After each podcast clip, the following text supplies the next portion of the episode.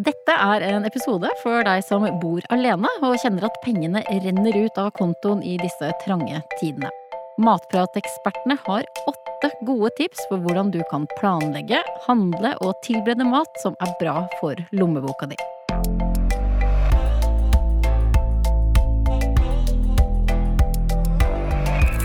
Velkommen til Matpratpodden. Jeg heter Katrine Ude, og sammen med meg i studio er det som vanlig to matprateksperter, og det er deg, Marta Ransborg.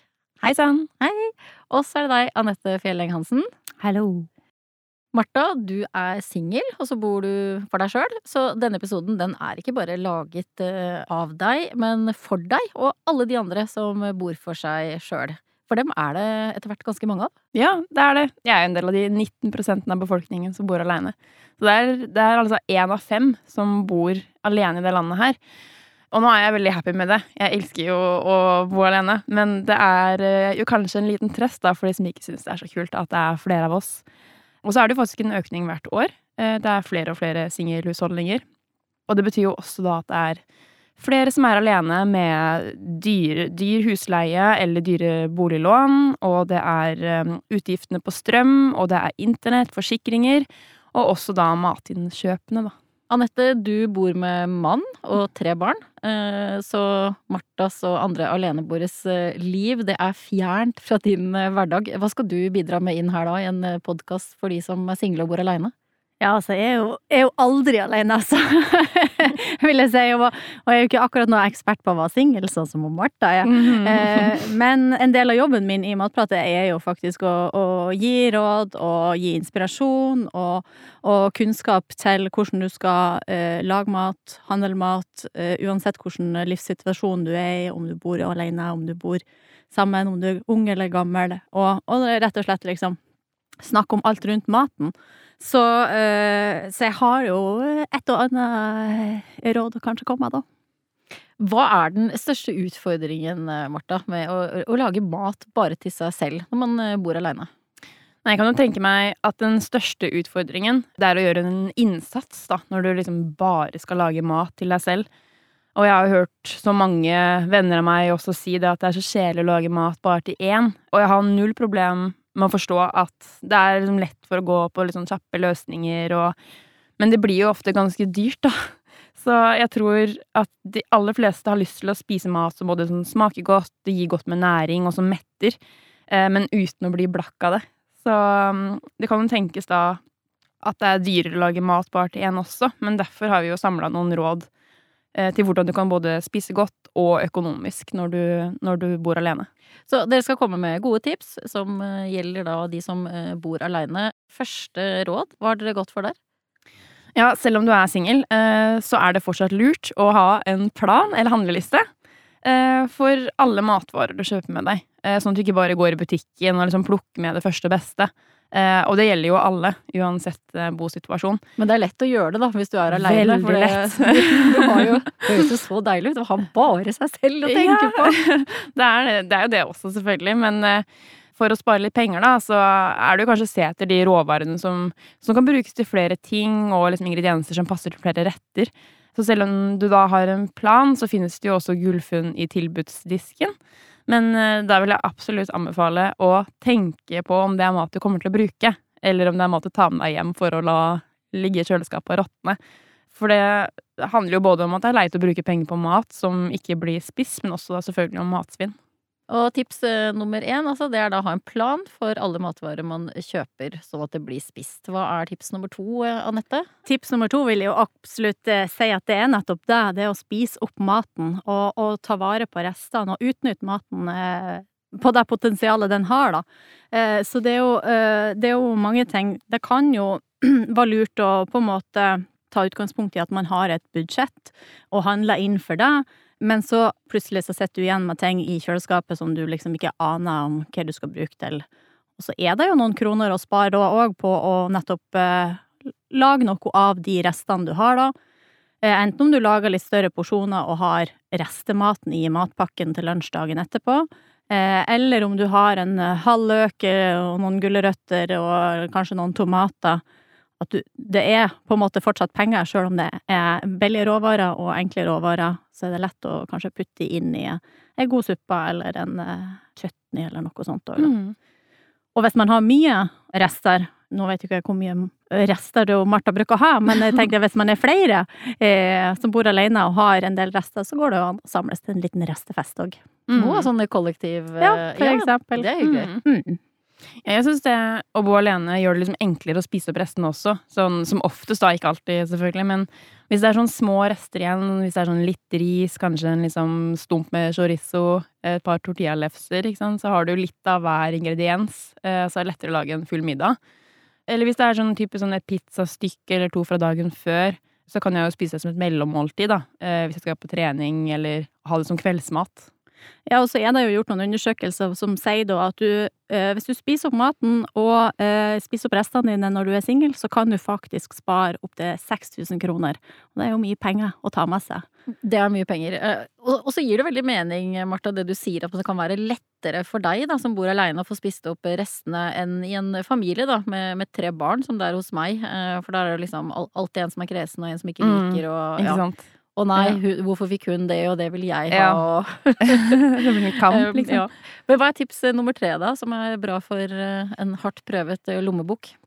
Nei, vi har jo ofte hørt at storhandling er lurt for å redusere litt på matutgiftene. Og for mange familier vil nok det lønne seg, men mange som er single, da, er kanskje mer glad i å lage litt sånne spontane planer gjennom uka.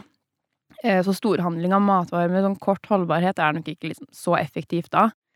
Men to-tre middager frem i tid, det kan jo være en storhandel for meg. Og da sparer jeg tid og slipper å gå innom butikken hver dag. Og færre turer i butikken, det er pengespart. Lett. Mindre fristelser. Mindre fristelser. da er det greit å ikke ha hele kjøleskapet full, for vips så blir du invitert på en date, liksom. Det er akkurat det, ikke sant. Må være klar. kan ikke ha noe fiskepudding som stopper meg da. Og det du sier nå, det er jo helt eh, motsatt av eh, livet i en husstand med flere og gjerne barn. Og det gir mening, da. Når man bare har seg selv å tenke på, så er jo spontanitet en luksus som eh, man må få lov til å kose seg litt med. Og det spiller jo selvfølgelig da inn på i hvilken grad man må planlegge. Ja, jeg tenker, jeg tenker på den store posen med spinat, da, sånn typisk, når jeg tenker på matvarer med, med kort holdbarhet. Eh, men jeg handler jo ofte inn varer med lang holdbarhet, sånn som mel og korn, hermetikk, frysevarer. For jeg merker at det gjør liksom terskelen lavere for å lage hjemmelaga mat de dagene jeg egentlig ikke har noen plan. For da har jeg liksom basisvarene tilgjengelig i skap, skuffer og fryser hjemme likevel. Hvis du kjøper da en sånn stor pose med fersk spinat, da har, du liksom, ja. da har du en plan for hva du skal bruke den til? Jeg bør jo ha det. Ja. Jeg kan ikke si at jeg alltid får det til, men jeg prøver. En spinatstuing for alle, ja. for alle pengene. Sleng den i en panne, så har du en liten skje, så det er ja. greit. Mm. Hva er det beste du vet da, Martha, å finne liksom, når du graver litt i fryseren din på, på dager hvor du ikke har handla, ikke har en plan?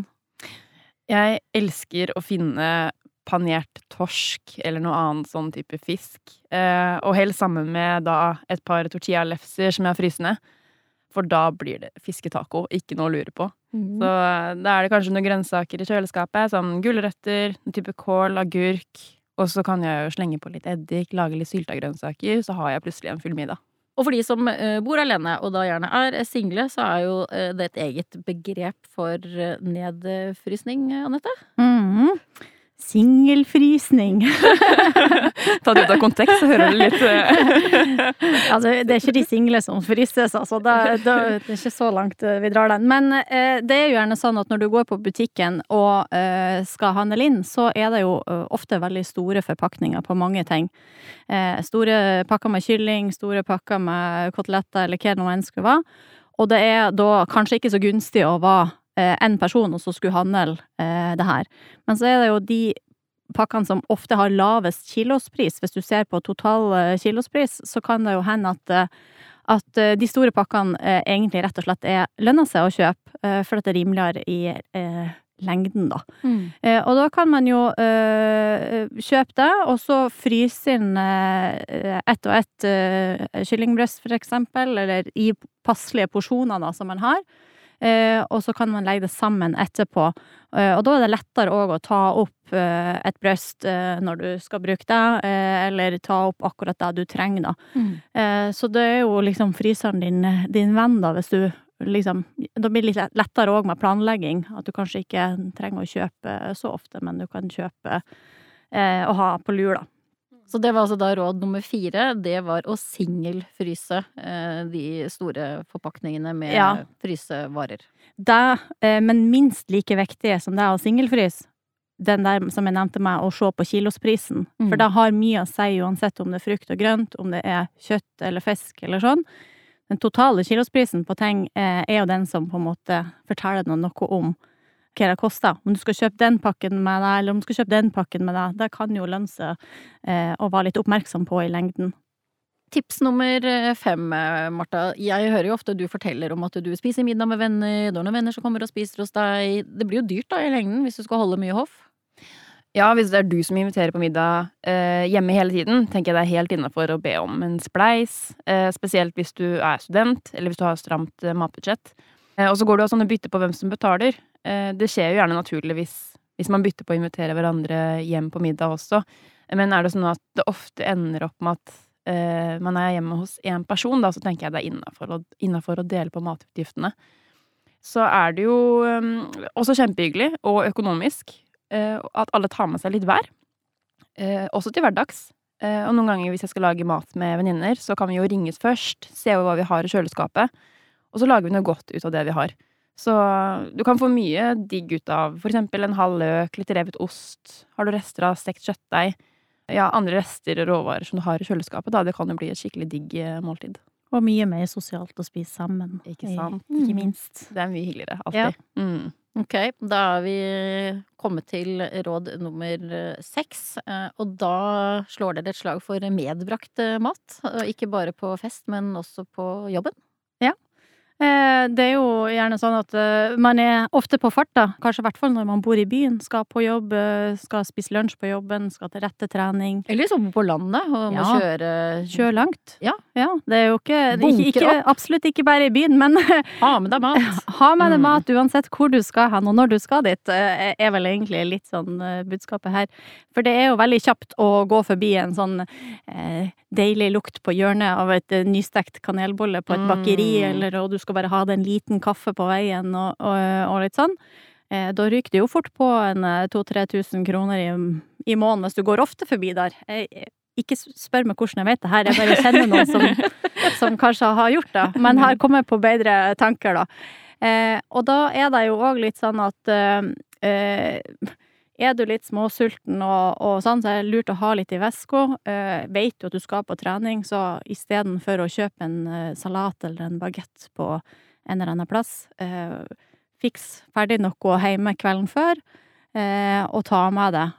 Da sparer du utrolig mye penger. Og da går jo òg an å lage Lag noen energibarer eller noen, noen sunne cookies, eller litt sånn overnight oats-grøte, der du har liksom med nøtter og frø og litt friske bær og sånn, eh, så er det fortsatt veldig mye billigere enn å kjøpe en, eh, en kjøleskapsgrøt på, en, eh, på, på et hjørne en plass. Mm, ja. Jeg, jeg prøver å holde meg til én takeaway-kaffe i uka, med, med trykk på prøver. I hvert fall på vei til jobb. Og så hender det at jeg ryker på noen ekstra, da, sånn spesielt i helgene. Um, og det, det kan jo Eller hvis du ønsker å spare litt penger, da, så kan jo det være en motiverende måte å spare på også. Fordi hvis du vet at du bruker sånn cirka, la oss si 400-500 kroner da, på liksom fristelser eh, i uka, og har lyst til å kutte på det, så kan du jo sette halvparten av den summen fast over på en sparekonto. Kalle den for noe du sparer til, sånn som en feriekonto. Eh, og så blir det mye mer sånn konkret. Konkret sparing. Så jeg syns det kan hjelpe heller enn å bare spare penger uten å vite helt hva jeg sparer til, da.